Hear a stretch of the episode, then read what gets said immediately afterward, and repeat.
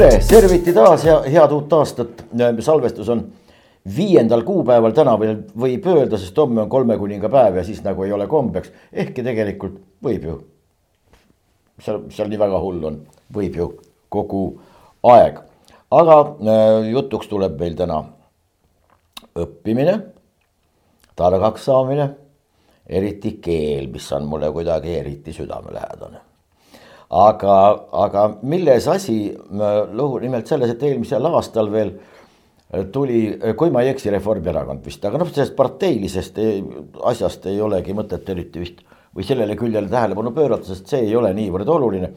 aga ettepanek ise, et tuleb minna A üle, esimene nonsenss tuleb kohe siit, eestikeelsele, üleüldisele eestikeelsele haridusele haridus ei ole mingisugune keelne ei inglise, hiina ega vene ega eestikeelne. haritud inimene, kas on haritud inimene või ei ole haritud inimene, täpselt samamoodi nagu terviski, on see üks isiksuse karakteristik. ja kui keegi küsib, mis keelne tervis teil on, siis noh, kehitatakse parematel juhtudel vist küll ainult õlgu. ja, ja teine lugu oli see, et arvati heaks, et võiks ikkagi äh, vene lapsed Eesti kooli panna ja sellisel viisil mingisugune ühtsus saavutada. järjekordne jabur idee, sellepärast et millegipärast see väärautoriteetide süsteem juurutab või ajab meil juuru, juurikaid igale poole. Äh, on näha, et spetsialiste, kes asja tõeliselt tunnevad, kaasatud ei ole. võtke meie oma kunagi Tartu Ülikoolis olnud Jean Baudouin de Courtenay, lugege tema niisugused noh, põhilised teesid läbi ja on pilt selge, et sellest mitte midagi head välja ei tule sellises mahus, nagu siin praegu kavatsetud on. aga läheme siit nüüd siis edasi. tere tulemast, Külli Remsu. tere, tere, mulle on südames südamelähedane, et kellelegi on keel südamelähedane no vot, aga neid inimesi õnneks on kuigi deklaratiivselt räägitakse meile selle keele tähtsusest, selle säilimisest noh, säilimine on, ei ole vist kõige parem sõna, sellepärast et see on niisugune konserv rohkem. aga noh, keele areng, mitte arendamisest, vaid keele loomulik areng on ka olemas. see, see kõik, aga, aga sellest räägitakse. räägitakse suuga suur linn. aga tegelikult Aega mitte paraku mitte kärbse midagi. ja mõistust no, selle jaoks ei jätku. võib-olla ei saa öelda, et täitsa kärbsepesa ei ole, aga mis mind ajendas tõesti ise stuudiosse tulema praegu. kui ma kuulasin Signe Kivi vastust parlamendisaadiku küsimusele ja murele, et lasteaia juhatajad kogu respekti ja austuse juures, ma ei ründa ühtegi kolleegi, ühtegi pedagoogi, olgu see ette ära öeldud. ja kriitika ei ole ühegi isiku ega isiksuse vastu. aga parlamendisaadiku küsimusele, et lasteaia juhatajad rangelt soovituslikus korras Mustamäel soovitavad lasteaiaõpetajatel oma rühmas lastega rääkida lihtsustatud keelt.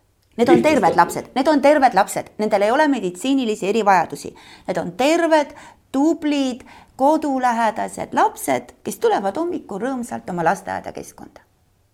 mida tahab üks viieaastane rõõmus laps? ta tahab rõõmsat, põnevat, väikese kriukaga mängulist teksti ta ei taha lihtsustatud keelt. ja sellist lihtsustatud keelt praegu soovitatakse. parlamendisaadik esitas mure, sest see on mure.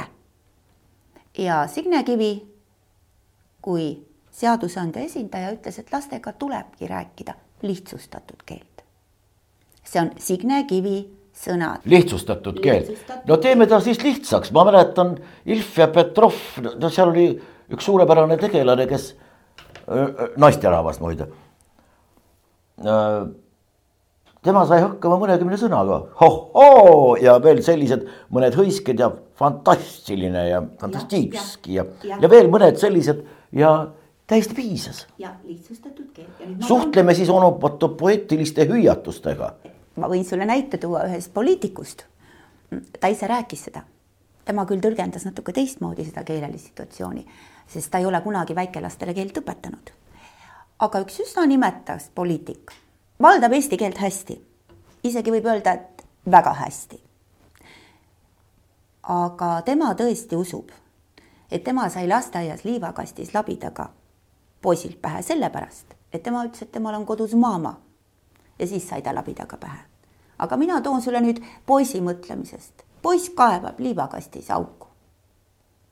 tal on labidas. Kas poisil on piisavalt ruumi, et liivakastis üks auk kaevata?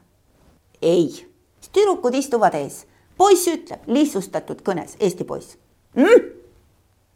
no sellest peaks ju kõik aru saama, et aga tüdruk ei saa aru, poiss on ju Mö. öelnud möh, poiss ütleb möh. no võib-olla kolmandat korda ütleb poiss veel midagi lihtsustatud, sest no ta tahab kaevata. ja neljandat korda poiss ei ütle midagi, poiss kasutab labida keelt. Ja tulevane poliitik usub, et ta sai sellepärast Eesti poisilt, tõesti, ta usub seda, vastu pead. et tema rääkis kodus teist kodukeelt, aga mitte sellepärast, et ruumi oli vähe ja poiss tahtis auku kaevata. see on ja, ja sellest naisest sai hiljem filoloog, nii et sa mõistad, filoloog versus lihtsustatud pragmaatiline keel. Ei tekita alati head kooslu. ei no noh, meie igapäevakeel, hea keel, meie igapäevakeel koosneb kuskil kaheksast, ma ei räägi meie, aga no üldiselt saadakse hakkama kuskil kaheksasaja keelega. Ja end väidavad võõrkeelte oskajateks tihtipeale need, kelle sõnavaras on kuskil noh, leksika mingi kuussada sõna võib-olla. Grammatikast ma või sellest vundamendist ma üldse ei räägi, seda ei ole olemas. aga, aga noh, sellest nagu piisab siis, kõik see ongi see lihtsustumine ja, ja teeme nii ja teeme nii, jah, mis sel ei ole mingisugust tähtsust aga ma toon sulle ühe näite. ma armastan väga Ellen Niidu tekste ja ma olen nendega lapsi õpetanud oi, kaua ja kaua tähendabki kaua. ja nende samade Krulli tekstidega õpetasin ma, ma arvan, kakskümmend aastat rohkem, rohkem tagasi.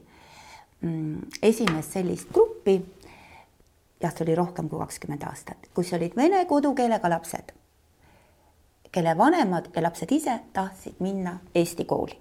nii et see oli siis kuue-seitsmeaastasele täiesti venekeelsete laste rühm, kellega me ühe keelefirma all kesklinnas tegime kooli ettevalmistust, et minna vene keele baasilt eestikeelsesse keskkonda ja tõepoolest maikuu lõpuks kogu seltskond luges peast lustiga Krõll ja hääled, sest neile meeldis, see oli lõbus ja kõik said aru, mis tegelikult. ongi toredad. Need ongi toredad, aga nüüd ma loen sulle või isegi ma näitan, ma võin seda teksti ka peast lugeda, aga ma näitan sulle, et sa mõistaksid nagu situatsiooni.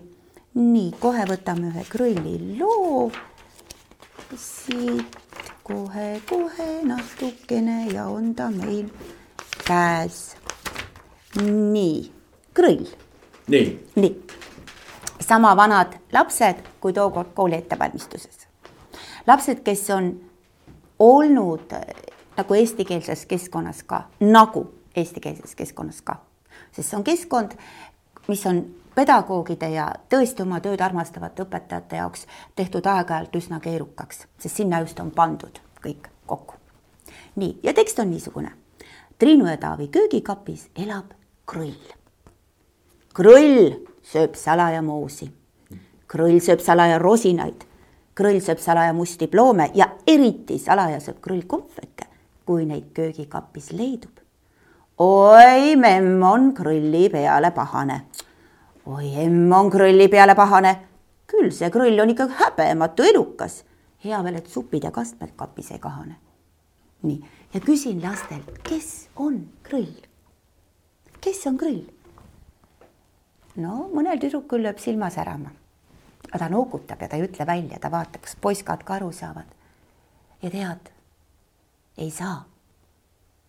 tead ei saa. pakutakse robotit ja zombit ja veel kedagi ja veel kedagi. aga kes see või mis see krõll on, miks sinu perekonnas elab krõll, kui sul on väiksed lapsed ja miks sul see krõll võiks siis elada ka, kui sa oled juba suur inimene, eks ole ju, ja hommikul kell üheksa kontorisse pead minema. me pidime mitu-mitu-mitu tundi seda teksti läbi mängima. et nad hakkaksid nautima seda teksti, mida paarkümmend aastat tagasi nagu naksti kõik oskasid nautida. ja siis me räägime veel lihtsamast keelest? Veel lihtsamast keelest, ma tahaks, et Eesti lastel oleks ikkagi grill. ja ma tahaks, et vene lastel oleks potša, potsataja ka, eks ole, tšiburaška, võiks ka olla nii, et seda teksti on võimalik mõista. mitte ainult Maša ja Karu, mis on suhteliselt lihtsa tekstiga ja noh, sellise kolme-nelja-aastase lapse tasemega. võiks keerukamat teksti olla. aga ma toon sulle veel ühe näite. see on seitsmenda klassi õpik, teda praegu enam poodides müügil ei ole Eesti kirjastuse õpik, ma jätan autorid mainimata, sest autorid kahtlemata tahtsid teha enda parima. ja ma ei arvusta üldse autoreid. aga välja kukkus selline situatsioon, et mul on tunnis laps, kes on düsgraafik, düsleksik. see on tema jaoks pöördumatu, see ei ole tema valik. see tähendab, et kõik keeled on tema jaoks noh, piisavalt vastumeelsed. ja eriti vastumeelne on eesti keel no kohe väga vastumeelne, aga laps ise on väga tore. ta teab kindlalt, mida ta tahab, ta tahab saada keevitajaks, ta armastab seda tööd, ta on tulevikus kindlasti suurepärane erialaspetsialist. see on tema maailm, see toimib talle, see on nagu väga äge tema jaoks. aga nüüd ta tuleb järeleaitamistundi, sest tal on hirmus raske ka vene kirjandus. Vene kirjandusõpik, venekeelne õpik, seitsmes klass. Vene kirjandus, seitsmes klass. jah, nii, nii nüüd ma, no ütleme siis vene kirjandus ja üldine kultuurilugu ja sinna siis on. see on meie õpik. see on meie Eesti Vabariigis välja antud, Eesti kirjastuste poolt välja antud venekeelne õpik venekeelsete koolide seitsmendatele klassidele. praegu pole seda enam müügil, aga ta on kindlasti kuskil koolis kasutusel, õpikud on teinekord väga kaua kasutusel. ja selles õpikus on üheskoos Kalevitsian luulevormis lehekülgi lehekülg. Kalevitjan. Kalevitjan. ja seda teab ainult äh, spetsialist. ma tunnistan ausalt, mul kulus vähemasti minut, et mõista, mis Kalevitjani me oleme sinna toppinud. aga Kalevitjaniga kõrvuti on sellised tugevad kangelased nagu Majakovski. seitsmes klass, Majakovski. seitsmes klass, Majakovski. ma olen täiesti veendunud, et seitsmenda klassi inimene ükskõik millise kodukeelega, ükskõik millisest rahvusest, ei ole võimeline Majakovskit mõistma. tähendab, mida me saame, me saame lihtsustada Majakovskit. me saame ütelda, et Sauna kirjutas ja Lutika kirjutas ja mis ta seal veel kirjutas, no luulet kirjutas ja Rosta aknaid tegi ja kas see on kogu Majakovski elu või? no Rosta aknadest tehti rokkooper, kunagi Volkonski laulis seal, Fiks mängis taga suur, laiendatud koosseisus, väga hea muide no ja aga seda, seda detaili seal õpikus Majakovski kohta muidugi ei olnud. no seda muidugi. rääkimata kõikidest muudest tema detailidest, aga nüüd mõtleme, lihtsustame seda Majakovskit, mis on ju väga põnev teema ja kestab siiamaani, kestab siiamaani. ülipõnev. ülipõnev teema kestab siiamaani väga mitmekülgsete noh, nagu nurkade pealt või, või külgede pealt, kust vaatad, eks ole, väga põnev puudutab praegu otseselt homme Ühendriikides toimuvat. Markovski tütar on nimelt veendunud feminist. niisugune võitleb nagu väga võimas feminist. aga me jätame kõik selle lihtsustatud ju ütlemata ja me räägime lihtsalt Majakovskist. aga samas õpikus oli veel Marie Under oot,. oot-oot-oot, vene kirjand-, tähendab kirjandus venekeelsele äh, inimesele äh, seitsmes klass. seitsmes. ja seal on under. seal on under. seitsmes klass. mul on niisugune tunne, et seitsmes, seitsmes klass ka, ka Eesti koolide jaoks under. no ei lähe. vara, vara. no kolmandasse klassi võiks tuua tõe, tõe ja õiguse seda mõtet ma ei ole veel mõelnud. pildiraamat.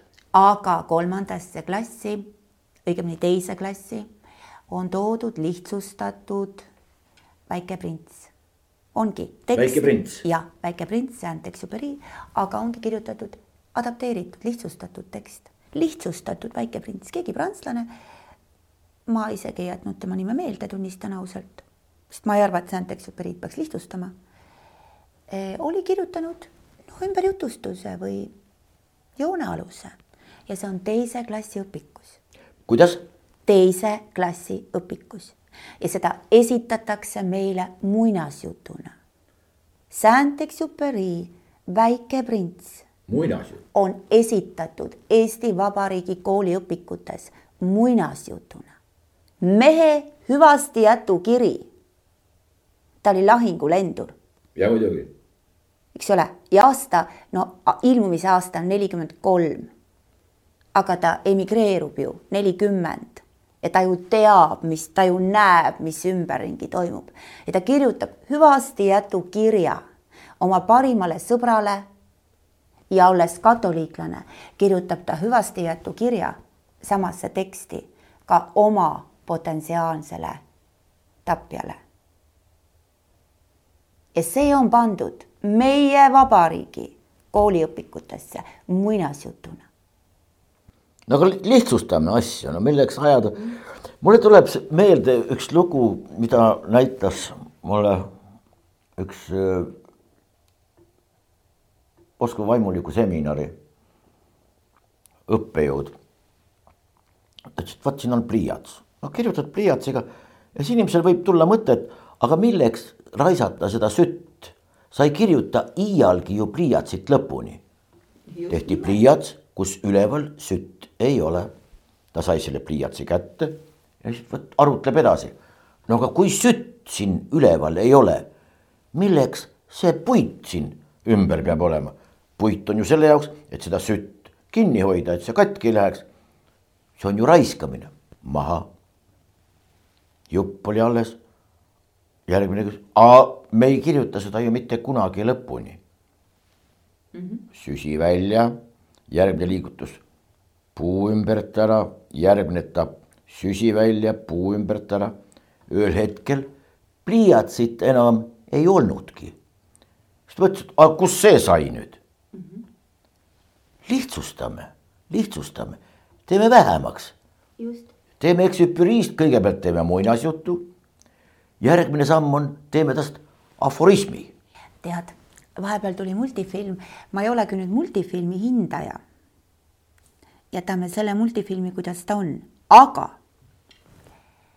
nüüd mõned nädalad tagasi eh, oli Eesti koolilastel, ma ei saa öelda, et kõikidel kaheksanda klassi lastel, aga osadel kindlasti. ja ma arvan, et rohkem kui ühes koolis. eh, selline kodutöö oli link, kus oli multifilm Väikesest printsist. Ja sinna juurde oli tehtud uus osa multifilmi tüdrukust, kes istub Wuhani viiruse pärast kodus lockdownis. istub tüdruk nurgalt, noh, nukralt nurgas või akna juures või noh, kurvameelselt ja lendab tema juurde väike prints. ja kodune töö oli, et iga laps kaheksandas klassis pidi kirjutama no kas siis mingit teksti, mingisuguse teksti, kas dialoogi, luuletuse, kes tahtis, proosa, näidendi, essee, no kuidas keegi mõistis või oskas või aru sai lahendada, ta pidi kirjutama teksti selle multifilmi ja selle tüdruku ja selle lingi põhjal. Ja lapse aitamiseks oli antud siis üks inglise kirjastus, kes oli osad Saint-Exupéry tekstikatked mida kirjastus pidas parimateks, noh, aforismideks. lihtsalt koduleheküljele üles laadinud, nii et võtad telefoni taskust ja siis vaatad näiteks, et me kõik oleme pärit oma lapsepõlvest, sa vastutad selle eest, kes sa taltsutad. Ja siis tuli rebane, saad aru, täiesti hakitud, välja võetud asjad. Ja nüüd peaks laps hakkama armastama Saint-Exupéry ja mõistma seda teksti.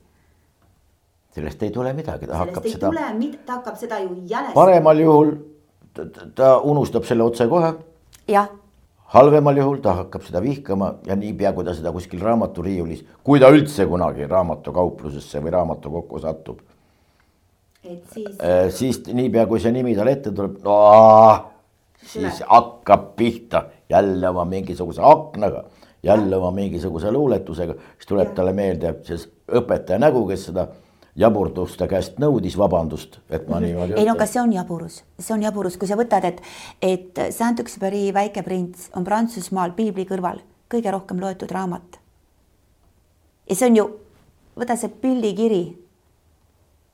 see on ju täiesti, see on nagu atentaadi katse väikesele printsile, ma ütleksin. see hästi minule mõjus. kõige selle taustal, kuidas suhtuda sellesse, et meil võõrkeeleõpe algab oluliselt varem kui omakeelne. võõrkeeles õpitakse lauseliikmeid juba mingist eesti keeles, me sellest meilt mitte midagi ei tea mm,. aa, kui sa mõtled niimoodi, vaata, võõrkeeleõpe, võtame näiteks inglise keele põhjal, see peaks tulema nii nagu eh, seda parimates inglise peredes on õpetatud nursery, Humpty Dumpty, eks ole, Humpty Dumpty. miks see Humpty Dumpty sinna müürile ronis ja mis rüüm, mis müür see üldse oli, mille otsa ta ronis? eks ole, ja miks need kuninga äh, rüütlid olid siis nii ruttu seal müüri juurest võtta? ja mõtle vaene kuningas, kes seda muna enam kokku ei saanud. ja mõtle kogu see lugu seal sees, eks ole ju. nii, aga see jäetakse kõik ära õpid üks muna ja kaks muna ja kolm muna, eks ole ju, kogu lugu võetakse ära. Et, et see on niisugune lihtsustamine, mida me ei saa endale lihtsalt lubada. me ei saa seda endale lubada. muidu, tead, ma olen mõelnud sellist asja, et äh, vaata inimesed, kes lõid meie riigi, kes lõid meie eestikeelse hariduse. Need rääkisid viit-kuut keelt, võib-olla seitset. ja see oli elementaarne nii palju saada sest nad olid valinud endale saatuse või elu või, või elukutse väljaspool põllumajanduslikku noh, talupidamise keskkonda. Ja ma usun, et ka talumees oskas mitut keelt rääkida, nii palju, kui tal vaja oli. aga need, kes tulid poliitikasse, need, kes tulid hariduse juurde, need, kes tulid riiki looma, hulk keeli oli elementaarne. Ja kõige selle juures panid nad hilisema kõige suurema rõhu eesti keelele esimese asjana. võta no, Karl Robert Jakobson. keegi heidab ette, ma ütlen ühe esimese asjana. Eesti ja. standardkeel. ja, eks ole, aga praegu ma näen küllalt palju selliseid, selliseid variante, et kui on laps, kelle päritolu perekond ei ole Eestist, siis lihtsustamise mõttes minnakse temaga kohe inglise keelele üle. aga see ei ole inglise keel see ei ole ju, see on, see ei ole ei korralik klassikaline inglise keel, see ei ole lapse päritolukeel, see ei ole ka lapse kodukeel. see on üks tohutu keeleline rosolje, mis lapsele ette antakse. ja siis jääb lapsele tunne, et siin, siin maatükikese peal saabki kõike inglise keelega teha. kusjuures see ei ole ju the english see on ju lihtsalt üks English. Vene lap-, vene noored ja Eesti noored praegu muide suhtlevad suuresti ja. inglise keeles. kusjuures see inglise keel ei ole just noh, ütleme, ta ei ole loomulikult RP, aga, aga, aga noh, ei ole, ei ole väga viga, vigadega muidugi, aga, aga siiski, aga selleks keeleks ei ole eesti keel. sellepärast, et äh, no ühest küljest muidugi ma saan aru, et vene noorele on põnevam, põnevam, noh, maailm on ju lai inglise keeles ja, ja kodune surve on ka inglise keele oskamiseks nagu väga suur. aga teisest küljest nii kaua, nüüd ma olen kriitiline, võib-olla keegi leiab, et liiga kriitiline. nii kaua, kui meil Narva kolledž ikkagi õpetab mitmekeelse kooli õpetajaid väga kummalistel õppekavadel. näiteks sa võid saada, ma ei tea, kas praegu sellel aastal, aga oli aastaid, kui sa said kuus ainepunkti, kuus ainepunkti Ameerika filmide kursuse eest. kuidas? Ameerika filmide kursuse eest. ma saan aru, kui sa õpid Moskvas kõrgematel stsenaristide kursustel. no siis on teine asi. siis on teine asi, eks ole, siis on elementaarne. aga sa õpid õpetajaks ja sa saad ainepunkte filmide eest. ühesõnaga Kõva pähkel, siis paneme sinna juurde Harry Potter, siis noh, mis veel, Alladini imelamp või mis ma, ma ei kujuta ette. ma, ma ei tea neid. ma ei tea, mis filmid need South olid. Park, siis. Äh, ühesõnaga tead, ma isegi ei tea, mis filmid need olid, aga ma. Äh, no ühesõnaga minu õppimise ajast Eh, filmid olid siiski meelelahutus, see oli niisugune noh, jah, me tenni-, me treenisime keelt, me treenisime tõesti keelt ka läbi filmide, aga kui sa nõukogude ajal treenid keelt läbi Hollywoodi Oscarite, siis see on midagi muud, mis on spetsiaalselt, noh näiteks vaene, vaene Eliza The Rain in Spain, eks ole, ja kõik noh, selline, see on spetsiaalne treening, sa loed sellega show'd, sa loed, eks ole, just, sa loed ja loed ja loed ja loed ja treenid ja sa tahad samasugust või sinu õpetaja aitab sult samasugust hääldust saada, sa näed vaeva sellega. aga see oli Eliza Doolittle, kes pidi, kes pidi The Rain in Spines, Styes Mainly, muide, see on Great Vowel Shift, Austraalias on see siiamaani säinud, nemad, nendel on ikka I. ja, ja. ja Briti saartel ja, on see ja. loomulikult ammu juba ei, aga see Great Vowel Shift ehk see toimus, hea küll, see on juba. eks ole, aga me ei tulnud selle peale, et sa saad selle eest ainepunkte saad aru et sa näiteks nõukogude ajal vaatad mingit venekeelset komöödiat, no mis iganes komöödiat ja sa saad sellest koolis viie. ei, aga. ei läinud läbi. mõnda vaatasid suurepäraselt ja saaks kohe mitu viit, viit äh, jutti oi, ma ei tea, kui palju viisi ma Ludmilla Kurtšenko eest saaksin. Palju, palju, palju, aga ja praegu see on ometigi vähemasti eelmistel aastatel see oli õppekavas. Äh,. lihtsustame. ehk siis vene ja eesti keel või tähendab vene ja õppe ja eesti õppekeele kool, koolide mehaaniline segamine praegu oleks tegelikult karuteene. absoluutselt, absoluutselt, sest praegu peaks tegema ära asjad, mida saab praegu teha ja mis ja. on tegemata jäetud. aga lihtsalt nad kõik kokku panna, sellepärast et keegi tahab teha oma poliitilist karjääri selle põhjal vihjan Eesti kakssada ja ei jäta mitte vihjamata. ja eriti vihjan, et kui Eesti kahesaja juht, kes ennast nimetab pronksiööl sündinud poliitikuks. ta nimelt ei viibinud pronksiööl mitte Eestiski.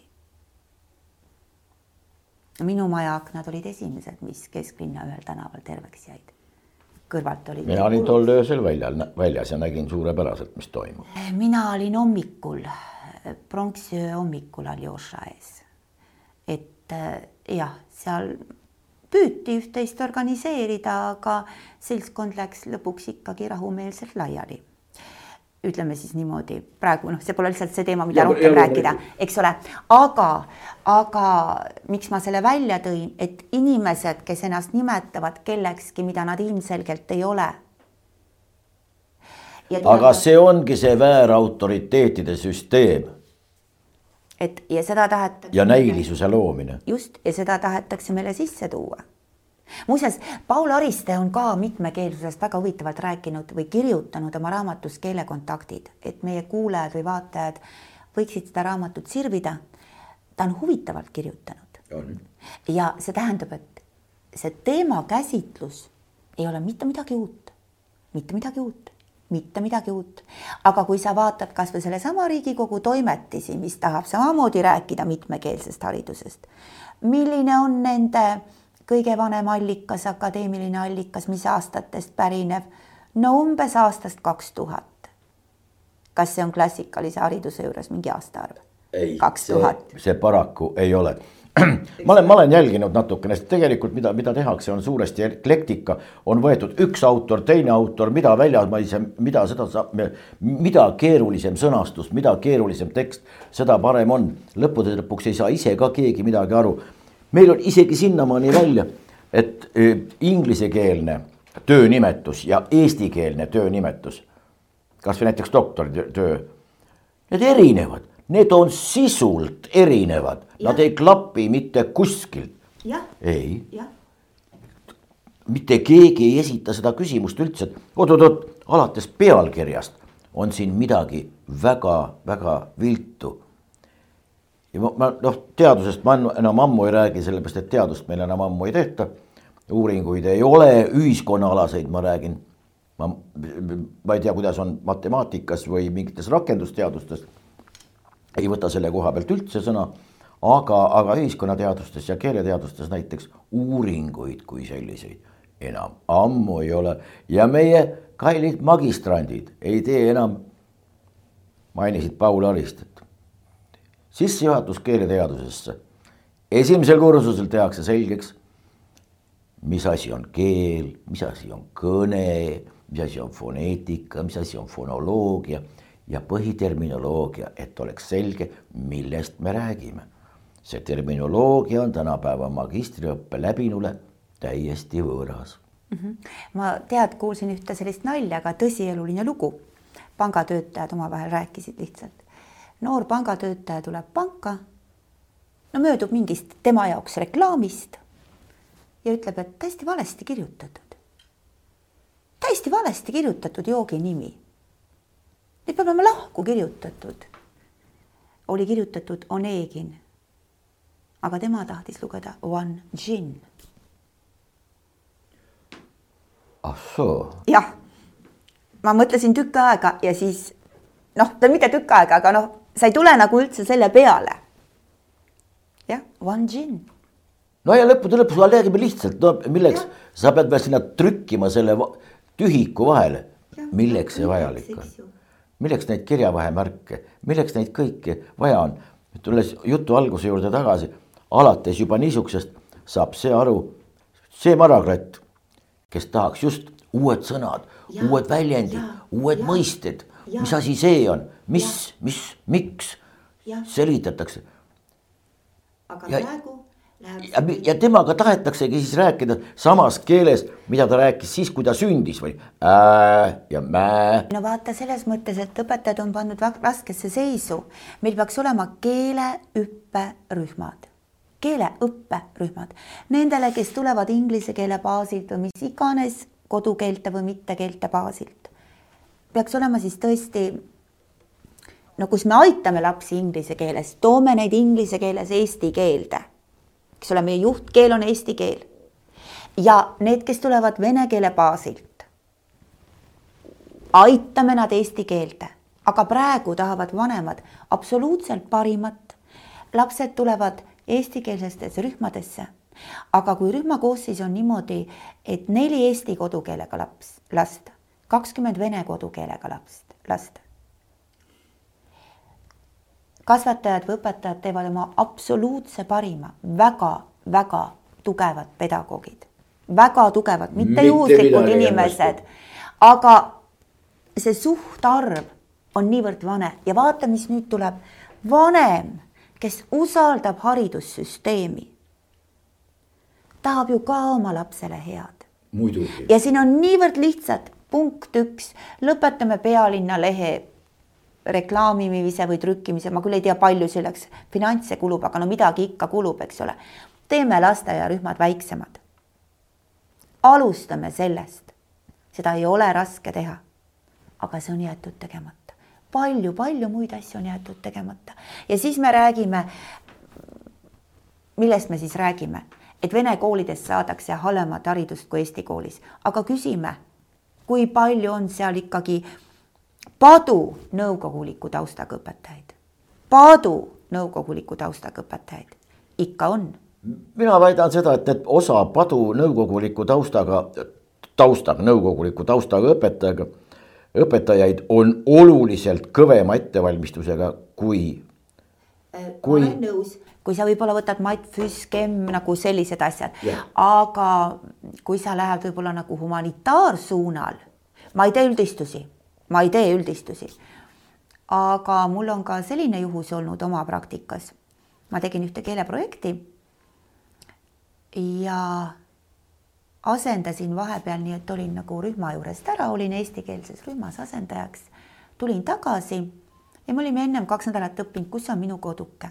Tead, see armas lauluke, väike kandlesaatel, räägid lastele, no räägid selle koduloo kõik ära ja, ja vahet ei ole, et sul on seal Moldaavia lapsi ja Ukraina lapsi ja Vene lapsi ja mis iganes lapsi. kõik saavad aru, et lapsel on oma maja ja siis on kass ja koer ja mets ja põld ja no selle kogu selle loo laps, kõik saavad aru ja üt-, kortermajas elavad, mõni poiss ütleb, et ma ehitan ka endale maja, Eesti puudub dombudust olid ja ühesõnaga kõik saavad aru. Tulen tagasi.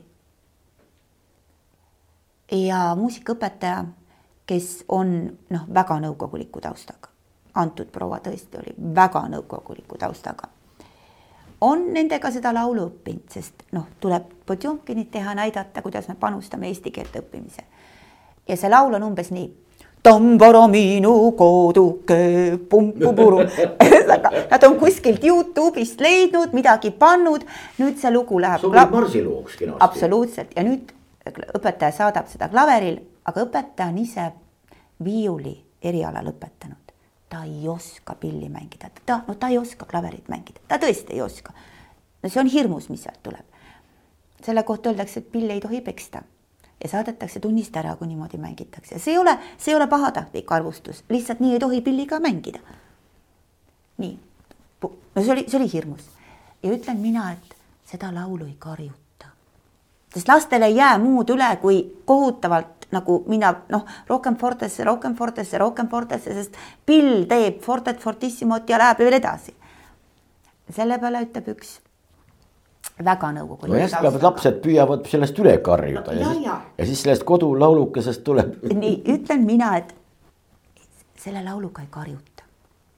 ja üks väga nõukoguliku taustaga kolleeg ütleb, et ahaa, tähendab, vene lapsed karjuvad. mina ütlen, et ei. see pole üldse see küsimus, et see on hoopis teine lugu püüan ikka juhtida, et noh, muusikas on asi, mitte üldse kellegi etnoses või kodukeeles või taustas, absoluutselt mitte. seda keegi nagu ei võta kuulda, et seda tuleb mängida teisiti. ja see lugu lõppes niimoodi, et lõpuks oli kohal õppealajuhataja, direktor, kaks kolleegi, mina ja ma no tõesti kõikide kuuldes ütlesin, et see ei ole natsionaalsuse küsimus, see ei ole etnose küsimus, see ei ole rahvuse küsimus, see ei ole poliitiline küsimus, see on puhtal kujul muusikaline, foneetiline ja tämbri küsimus. ärge otsige poliitikat, kus poliitikat ei ole. direktor sai aru, et asi on nagu karm ja ütles õppealajuhatajale, et meid ootab uus koosolek ja lahkus peale seda niisugust nagu jõulist, jõulist trampimisega öeldud ja lugu lõppes niimoodi, et sama päeva õhtul tulid väikesed vene tüdrukud, nad olid joonistanud printsessi pildid. tead, roosad kleidid ja nagu printsessid on. ja neile kätte pannud sinimustvalged lipud. lapsed said aru, et ma ei olnud ju nende vastu. lapsed said ju aru, et lugu on ju vale. saad aru, aga nõukogulikust taustast mm -hmm. tehti Potjomkin, et näidata, me õpime eesti keelt ja mis sellest välja tuli?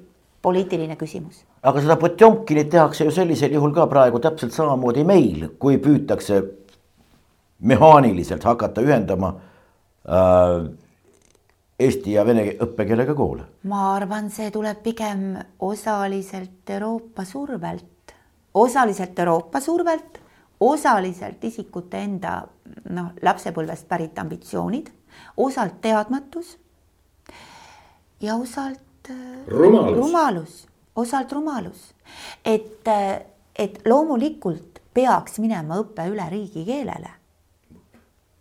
selles ei ole mingisugust kahtlust. eks ole, aga lihtsalt panna kõike kokku ja vaadata, et äkki õnnestub, siis tuleb seesama liivakasti näide, et, et ei õnnestu. tähendab, hakkame siis nendega no lasteaias. meie järeltuleva põlvega eksperimenteerima või? no lasteaias. inimkatsed, miks mitte äkki? lasteaias oleks see suhteliselt tehtav, see oleks saavutatav, aga selleks tuleks mõned asjad ümber teha. mõned asjad ümber teha ja määratleda, mis on riigikeel ja mis on emakeel ja mis on kodukeel ja mis on kultuurkeel ja mis on juhtkeel ja mis on suhtluskeel ja kõik muud keelevariandid, aga kui me nüüd lähme sellise küsimustiku juurde, võib-olla seda muudetakse. Ma ei saa öelda, et kui meie saate eetrisse jõudmise hetkel see küsimustik on täpselt sama, nagu ta praegu on. aga mulle helistasid inimesed ja olid mures, sest küsimustikus, mida nemad nägid, oli äh, niisugune variant, teie esimene emakeel, teie teine emakeel esimene emakeele teid, neid ei saa olla kaks. No sellepärast nagu inimesed hakkasidki muret tundma, nende arust ka ei saa olla kaks emakeelt. no nüüd võib-olla saab, kui on kaks ema. Ehm, äh, ei oska öelda, rahvastiku, rahvastikuministri büroo ütles, et nad on keeleteadlastega arutanud, lõpuks leiti, et äkki paneks siis kodukeel. aga kodukeel ei ole see, mis on emakeel kodukeel ei ole see, mis Ei on ole. emakeel. Ma küsin, et kui mina vaatan ingliskeelset või saksakeelset või noh, mingisugust mis iganes keelset programmi, mõtlen kaasa Eesti laps adopteeritud Rootsi perekonda, noh, mis No. ta emakeel on eesti keel ju, aga tal kodukeel on näiteks rootsi. No see, no, no ei tule kõne allagi ja kui sa praegu lähed, vaatad statistikavalitsuse koduleheküljele, siis seal on ära selgitatud lihtsustatud korras muidugi, kuidas tuleb mõista, mis on emakeel. lapse keel, mida ta kõige rohkem oskab. meil siiamaani on, nüüd pandi välja hiljaaegu, mitte eriti ammu, noh meie suur arengukava kaks tuhat kolmkümmend viis üsna pehmelt öeldes küsimusi tekitav, aga seal on hariduse koha pealt ka jah, seal on hariduse määratlus jälle püütud tu- tuua arusaamist ega mõistmist seal. muide ette nähtud ei olegi, see on noh, mingisugune järjekordne abitu katse, väga ebaõnnestunud. aga, aga ma väidan, et kui arusaamist ja mõistmist ei pea olema, siis kui inimene aru ei saa, ei mõista ka, siis tegemist ei ole haritud inimene, inimesega ükskõik, võtke või jätke. Külli, mis te arvate, kuivõrd suurel, suuresti on meie meedia ja poliitika mõjutanud ka neid samu haridusametnikke, kes neid otsuseid teevad. sellepärast, et võib-olla nad isegi noh, hinges ja ettevalmistus võimaldaks, teeks isegi mingeid arukamaid otsuseid, aga ei saa, sellepärast et otsekohe tuleb mingisugune artikkel kuskilt, kus täielikult võhik, no isegi mitte profaan, isegi mitte diletant, veel kuskil allpool, asjadest mitte midagi jagav inimene on võtnud suu täis ja kirjutanud mingisuguse jutu ja kõik hakkavad selle peale reageerima. nii ei saa, nii ei saa, nii ei saa, nii ei saa, sellepärast et no meil paraku käib niimoodi. see on hea küsimus meie meedia kohta. Viimasel ajal ma olen palju mõelnud Eesti meediast. ma olen nagu noh, ma jälgin pidevalt, mis Ühendriikides toimub. noh, ma jälgin pidevalt. välisuudiseid meil ei ole. ei, ei, ma, ma ei jälgi ometigi Eesti meedias, mis Ühendriikides toimub. ei, ei, ei, ei, ei, ei, ei, ei, ei, et ähm, et ja kui ma vaatan seda, mis nagu Ühendriikides endas toimub, ma isegi ei ütle, mis Ühendriikide meedias toimub, mis Ühendriikides endas toimub, eriti nüüd enne homset kuuendat. Ja mis meie meedias toimub, siis ähm,